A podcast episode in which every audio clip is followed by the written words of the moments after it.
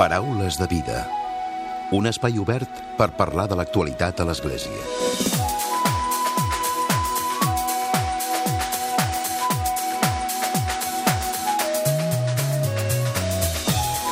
Salutacions i molt bon dia, molt bon diumenge. Càritas Diocesana de Barcelona ha donat aquests dies a conèixer la seva memòria anual corresponent al 2017 i també algunes xifres, algunes tendències dels primers mesos d'aquest 2018. La primera conclusió és que la precarietat s'ha instal·lat com a forma de vida per a moltes persones i així de contundent ho ha dit el director de l'entitat, en Salvador Busquets, que avui ens acompanya al programa. De seguida el saludarem, però abans deixeu-me també que us doni altres dades per la reflexió.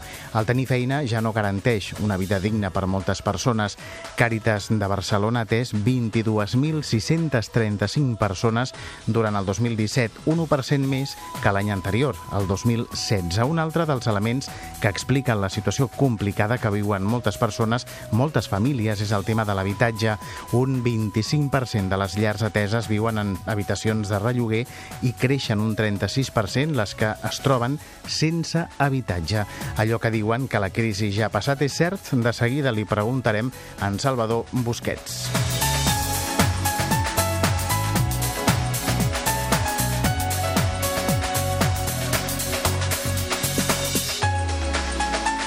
I com sempre, a la recta final del Paraules arribarà un nou comentari de l'actualitat de Francesc Romeu. Comencem.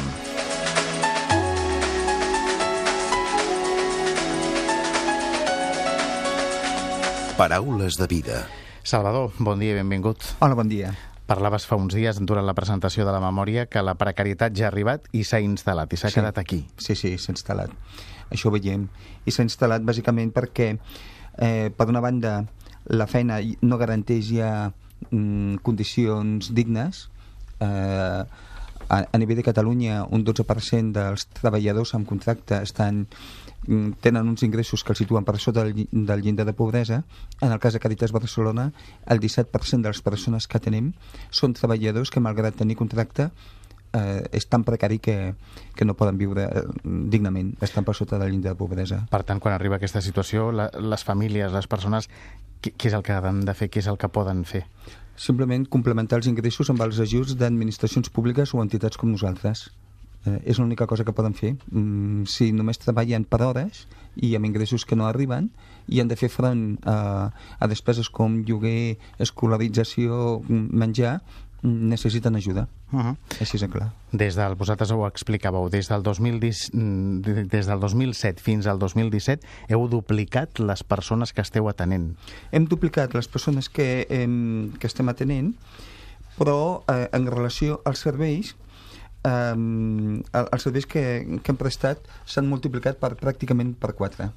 Els serveis que doneu. Sí, Uh -huh. I això, aquesta tendència continua, Continua. creixent? continuant. Nosaltres el que hem vist...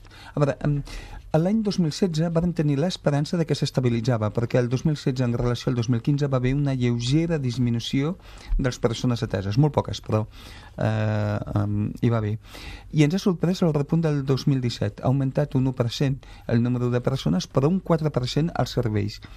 I això el que ens està parlant és que les persones que cauen en situació de pobresa necessiten ajuda durant més temps i durant més aspectes de la seva vida. Mm? Per això augmenta el número de serveis.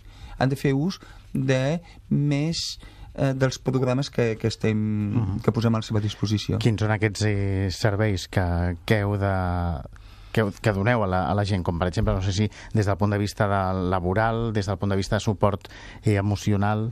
Sí, a veure, nosaltres eh, tenim un primer eh, programa que en diem acollida, que és la porta d'entrada i és on es fa una mica el diagnòstic de la situació, però també ens orienta les persones, en la mesura del possible, si hi ha recursos públics dels quals se'n puguin, eh, que puguin utilitzar, doncs se'ls orienta cap allà, etc.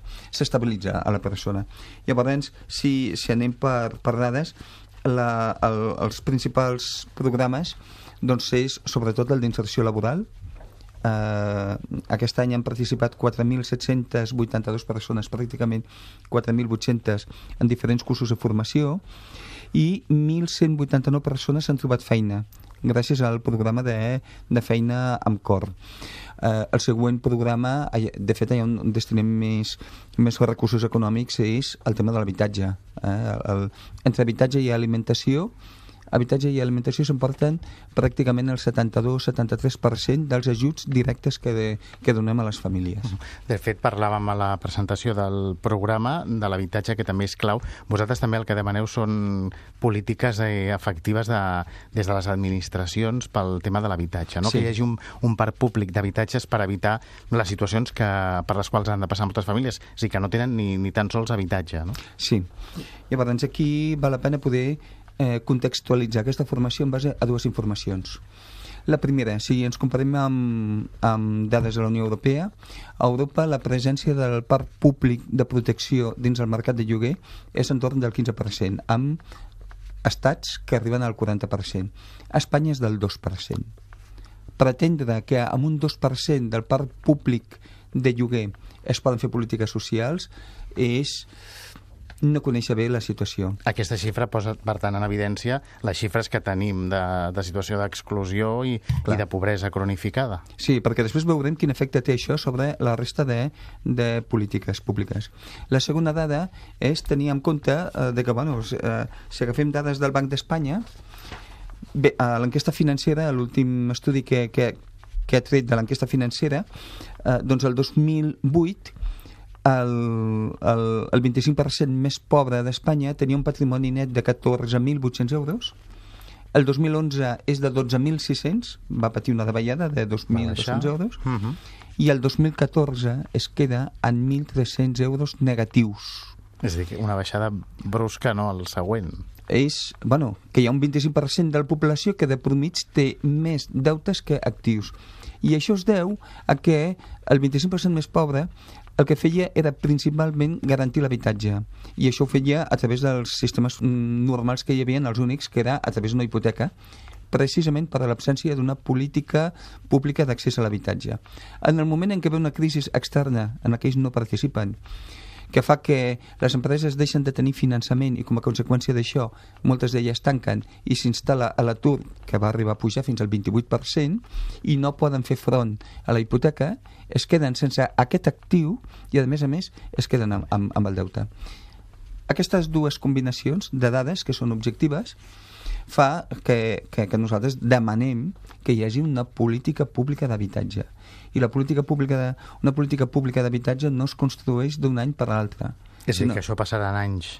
Sí, i, i, i la demanda que podem fer és que a diferents nivells de l'administració, però en tot cas l'administració local, l'Ajuntament de Barcelona, que hi hagi el compromís de que sigui quina sigui la força que, que governi, durant 10 anys es facin entre 1.500 i 2.000 habitatges cada any de protecció oficial situats a, que estiguin en lloguer per tal de que al cap de 10 anys hi hagin 20.000 de nova eh, construcció més els 7.000 7.500 que hi ha en aquests moments. Uh -huh. Un ajuntament com el de Barcelona, que atén a prop de 2 milions de persones, poder disposar de 25.000, entre 25.000 i 30.000 habitatges, això ja comença a poder donar resposta. Les polítiques d'habitatge haurien de ser com aquelles polítiques quan se'n parlen al debat polític com l'educació, de que no s'haurien de tocar, de que haurien de ser polítiques eh, de tots els governs, arribi qui arribi. Sí, sí.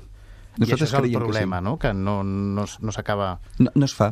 L'habitatge és un dret que està reconegut en la Constitució, però està dins d'un capítol que no permet la seva reclamació eh, a, a través dels tribunals. En canvi, el, el dret a, a la sanitat o altres tipus de drets sí que estan reconeguts i tu pots reclamar. El dret a l'habitatge no. Uh -huh. Abans repassàvem les xifres, eh, Salvador, de les persones més pobres, més vulnerables, però també hi ha l'altra banda, no? les persones que són més o que tenen més rendes i que són més riques. Sí, i, eh, i, i, i de l'evolució de, de les dades que tenim, que repeteixo venen del Banc d'Espanya...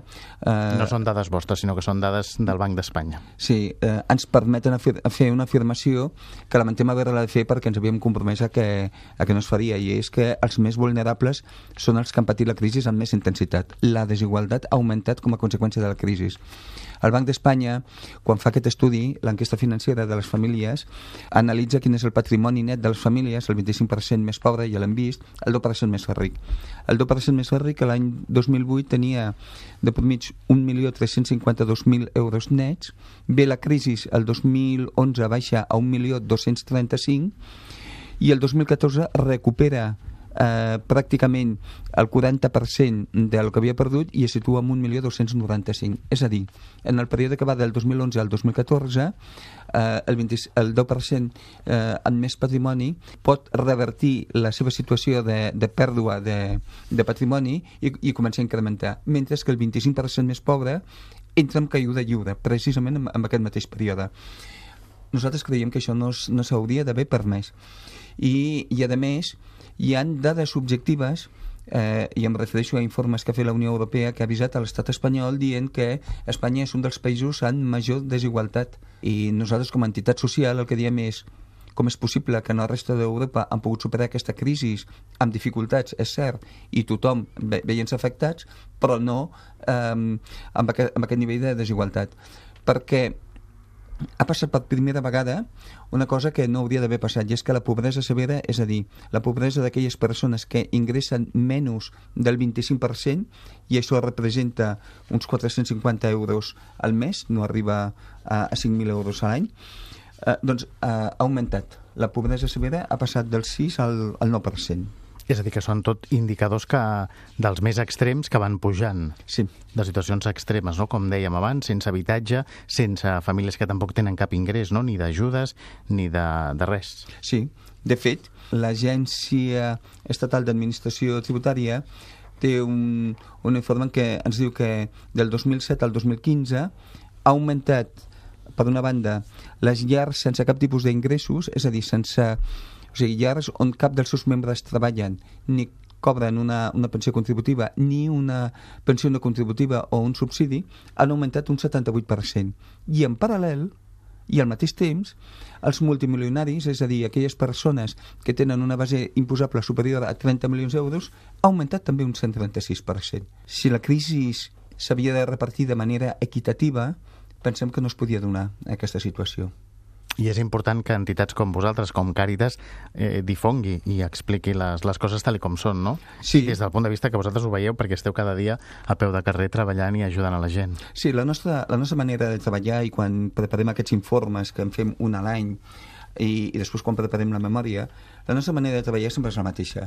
Nosaltres cada dia atenem a persones i això ens fa percebre eh, qui, quina és la situació, però no la documentem encara. Simplement ens adonem si les eh, eh, dificultats han augmentat o han disminuït, com estan passant les famílies, etc. Això ho captes en el dia a dia. Llavors, sí que arriba un moment de l'any en què ens posem, sobre, posem totes les dades que tenim sobre la taula, investiguem què diu el Banc d'Espanya, què diu Eurostat, què diu l'enquesta de condicions de vida de l'INE, què diu l'IDESCAT, i eh, to, amb tot això doncs, fem un petit informe, fem una reflexió que és d'ús intern de la nostra entitat i que una, una part d'aquest informe doncs, el, el traslladem a la ciutadania en forma de, de memòria i en forma d'informes que fem periòdicament. Però repeteixo, la base principal és el que detectem de la nostra actuació dia a dia. Clar, nosaltres hem atès a 22.600 i persones només Càritas Diocesana de Barcelona. A través de les parròquies eh, són 80, quasi bé 80.000 persones més. Um, no sé si estadísticament això és significatiu o no significatiu. El que sí és veritat és que ens dona un coneixement de la realitat que s'aproxima molt al que realment està passant. No? Uh -huh. eh, una realitat que segur que s'aproxima també a aquestes xifres que dius, no? aquestes tendències que hi han dels diferents organismes. No? Sí, a... sí, sí. Uh, un corroboren cop... la situació. Exacte, corroboren. I a més hem agafat com a política d'entitat que treballarem només amb les dades oficials elaborats pels organismes oficials, és a dir, Eurostat, que és l'Oficina Estadística de la Unió Europea, l'INE, Institut Nacional Europeu, el Banc d'Espanya i l'IDESCAT. Nosaltres treballem amb aquestes fonts. Uh -huh. Salvador, i què és el que, què és el que s'hauria de fer a partir d'ara? Per... De fet, ja fa uns quants anys que ens acompanyes quan es presenta, quan Càritas presenta la, la, la seva memòria anual de les seves activitats i cada any veiem eh, aquests eh, índexs que van a cada vegada pitjor. Sí. Nosaltres en veiem, hem vist, mm, si comparem en relació a l'any 2007, eh, que va ser quan va començar la crisi, començava... la crisi va començar al gener del 2008, veiem que el número de persones que estan en situació de pobresa severa i d'exclusió ha augmentat avui en dia en relació a aquell any. I també veiem que s'està consolidant una man un, un pensament, una manera de veure aquestes persones que fa que no es puguin beneficiar de la bonança econòmica. Entre altres coses perquè, com que hi ha una part de la societat que sí que se n'està beneficiant d'aquesta bonança econòmica, creu i a vegades d'una manera com, com raonable i de bona fe, creu que aquesta bonança arriba a tothom. I no és veritat. Nosaltres creiem que hi ha una base... la majoria o a, la, a les classes més predominants no arriba. No, no arriba, i sobretot a, a les classes empobrides o als treballadors, diguem, eh, amb baix nivell salarial, no està arribant, ni, ni molt menys, no? Um, bueno, això és el que veiem nosaltres i, i, i que s'ha ampliat. I el que demanem és que s'actuï sobre els dos factors principals que permeten que una persona pugui superar aquesta situació, que és ingressos i habitatge. Salaris dignes? Salaris dignes o, en el seu defecte, polítiques d'ingressos mínims, renta garantida de ciutadania i política d'habitatge que permeti que tothom pugui estar en un habitatge. El tema de, de l'habitatge per nosaltres és fonamental perquè no tenir un habitatge no és només no tenir un lloc d'empar, sinó que representa un trencament molt important per, per la persona. I aquest trencament molt important es pot traslladar als fills. I l'exclusió del futur l'estem construint amb les polítiques socials d'avui, sobretot d'atenció a la infància.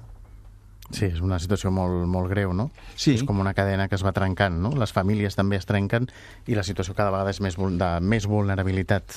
Sí, i, i llavors eh, eh, hi ha una cosa que ens sorprèn i és que per situacions per aquest tipus de situacions la, diguem que, que des d'un punt de vista econòmic estaven previstes tota una sèrie de, de solucions. Les, les polítiques socials mm, contrarrestaven aquesta situació. Què ha passat, per exemple, amb polítiques d'ajuda a la família? Doncs que han disminuït durant la crisi. Han disminuït. Uh, han passat d'uns 350 euros que estaven, si no recordo malament, l'any 2009 a, mm, de 350 passen a, a 280. És com un contrasentit, no? És Vivim un una crisi i l'Estat el que fa és reduir les ajudes. Quan més es necessitaven aquestes ajudes, mm, justament per, per facilitar que les persones no, no, no patissin tant i, i se'n poguessin en sortir, és precisament quan més es, es redueixen. En concret, la, la despesa pública d'Espanya en protecció de la família i infància va ser de 350 euros el 2009, el 2013 baixa a 282 euros i el 2015 a 280 euros. Som el tercer país de la Unió Europea amb menys protecció a, a infants i família. déu nhi Quines xifres, doncs, des d'aquí el que podem fer sí que és animar els oients del Paraules de Vida, perquè una part important és les col·laboracions, les donacions que, que rebeu de, de, des de, cap a Càritas. Sí, aquesta és l'altra cara de la moneda. Eh, nosaltres veiem que la, la ciutadania és molt solidària, això ho, ho, ho he dit sovint. S'implica. Sí, i ens ajuda. L'única cosa que necessita és, per una banda, adonar-se'n que realment està havent aquest problema i això durant la crisi us ho veiem perquè jo crec que no hi va haver cap família que no tingués algun dels seus membres afectats per l'atur o desnonament. És a dir, aquestes situacions tan dures es van fer molt properes a la situació de pràcticament totes les famílies i per l'altra banda el que es necessita també és un projecte seriós, eh, una entitat que doni garantia i ara per ara Càritas és una, és una d'aquestes entitats. La, la, la gent, jo noto que confia en nosaltres. De solvència contrastada i no només per la gent creient sinó per tothom. Per tothom i això la veritat és que ens esperona perquè eh, ens sentim responsables d'aquesta confiança de, dels recursos que posen als nostres mans i, i bueno, sempre estan pensant com podem ser més eficients, com podem ajudar més, etc. Per nosaltres el, el suport que rebem de la gent és molt estimulador i molt... ens, eh, us encoratja, ens omple no? de responsabilitat. Gràcies, Salvador, per haver-nos acompanyat avui. Gràcies a vosaltres per convidar-me. Paraules de vida un espai obert per parlar de l'actualitat a l'Església.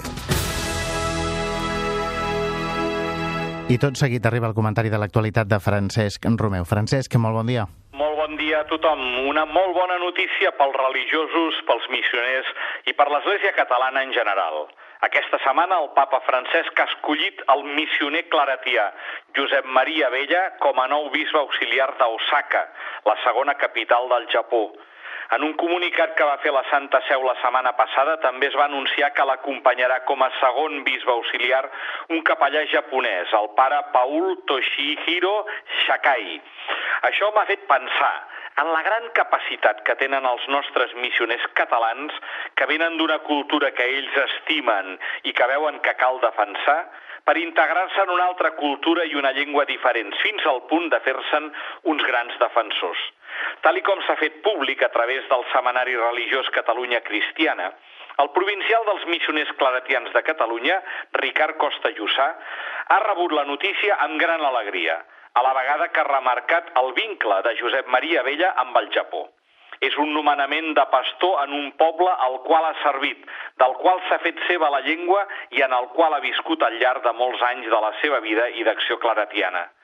Recordem que el nou bisbe Josep Maria Vella, després de completar els seus estudis de filosofia i teologia a la Facultat de la Companyia de Jesús a Sant Cugat del Vallès, va ser destinat al Japó, Allí va començar la seva tasca com a missioner claretià que va exercir després de la seva professió perpètua a partir de l'any 1972.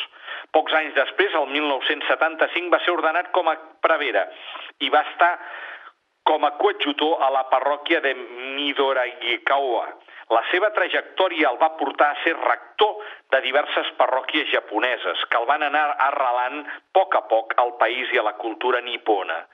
L'any 2003, però, es va haver de traslladar a Roma, on va exercir durant 12 anys com a superior general dels claretians. Una vegada finalitzat el seu mandat, el seu vincle amb el Japó el va tornar per seguir amb l'acció claretiana, aquesta vegada com a rector de la parròquia d'Imachi, a Osaka. Finalment, el 2017 va ser nomenat rector de la catedral de l'arcabisbat d'Osaka, càrrec que ha mantingut fins que el papa Francesc ha decidit nomenar-lo bisbe auxiliar al Japó. Ara, com a nou bisbe auxiliar d'Osaka, podrà continuar servint un país que, com ha explicat Ricard Costa Jussà, ja sí ha arrelat com a missioner català. Per tant, felicitem també els claretians perquè en dues setmanes s'emporten dues grans notícies, un bisbe i un cardenal. Recordem que el mes passat el papa francès també va crear o nomenar cardenal al claretià espanyol Aquilino Bocos Merino, nascut a Canillas d'Esgueva, Valladolid, el 1938, que també va ser superior general dels claretians, abans que Vella, des del 91 fins al 2003. Per acabar, recomano molt el vídeo del papa francès d'aquest mes de juny, on el papa crida a fer de les xarxes socials un espai que sigui una oportunitat de trobada i solidaritat, però també adverteix que s'han d'utilitzar respectant la dignitat dels altres. El papa subratlla la importància de construir una ciutadania en xarxa com un lloc ric en humanitat. Demanem junts perquè les xarxes socials no anulin la pròpia personalitat, diu el papa, sinó que afavoreixin la solidaritat i el respecte de l'altre en les seves diferències.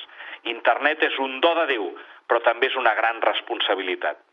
Recordem que al món actualment hi ha 3.196 bilions d'usuaris actius a les xarxes socials, que representen el 42% de la població mundial. Entre les regions on tenen una major penetració es destaquen Amèrica del Nord, amb un 70% d'usuaris actius respecte a la població. El nord d'Europa amb el 66%, l'est d'Àsia amb el 64% i Amèrica del Sud amb el 63%. Aprofitem les possibilitats de trobada i de solidaritat que ofereixen les xarxes socials, diu el papa, per construir una veritable ciutadania a la xarxa i que la xarxa digital no sigui un lloc d'alienació. El pare jesuïta Frederic Fornos, que és el director internacional de la xarxa mundial de pregària del papa i del moviment eucarístic juvenil, que són els que promocionen aquests vídeos del papa, ha dit que convivim amb les xarxes socials gairebé sense adonar-nos-en, però moltes vegades, en lloc de servir com un instrument de veritable comunicació i comunió, es tornen un mitjà de discòrdia i de desinformació. Fem de les xarxes socials llocs d'humanització, d'obertura a l'altre, a la seva cultura, la seva tradició religiosa i espiritual, a la seva diferència, llocs de diàleg al servei d'una ciutadania responsable. Molt bon diumenge a tothom!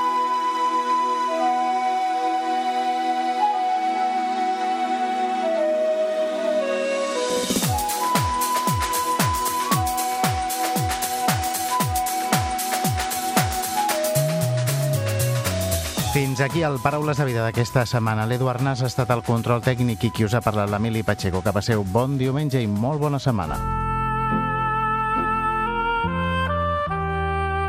Us oferim la carta dominical de l'arcabisbe de Barcelona, Joan Josep Omella.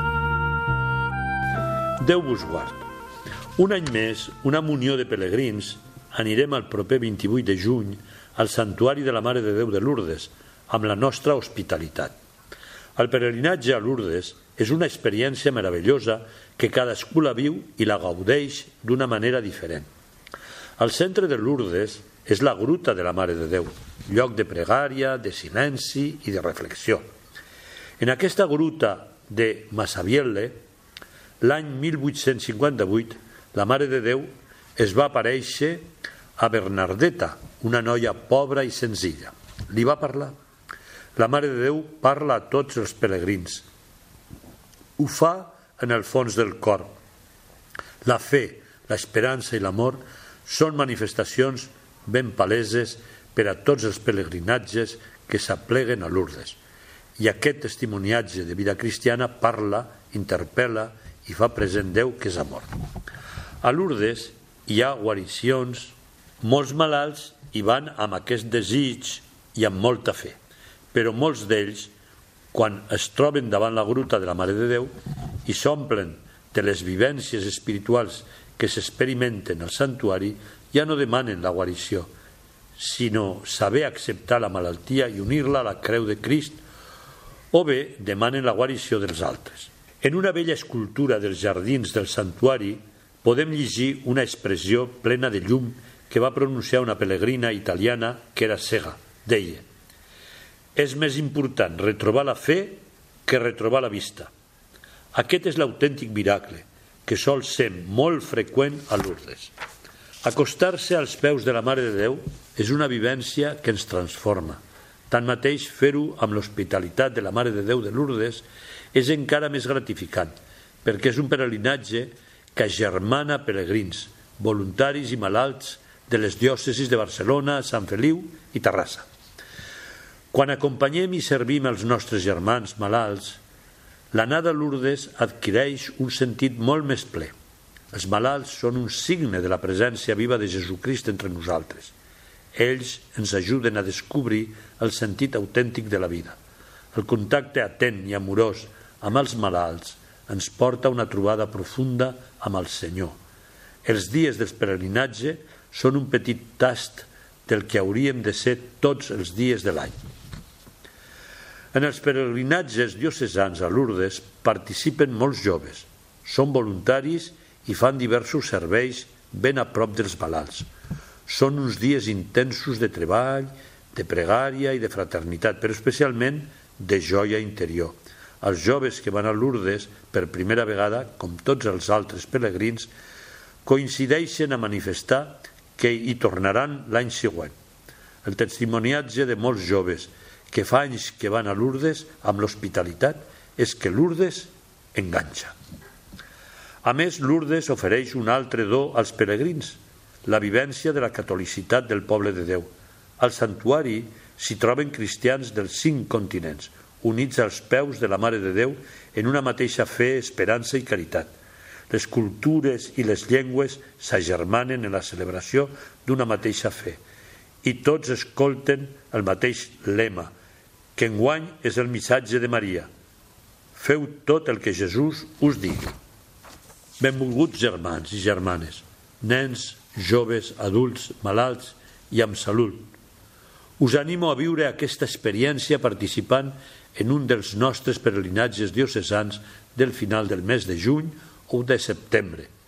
Si aquest estiu no podeu anar a Lourdes, recordeu que Maria visita les nostres llars i ens convida a fer tot el que el seu fill Jesús ens diu a l'Evangeli i en la pregària. Us hem ofert la carta dominical de l'arcabisbe de Barcelona, Joan Josep Omella.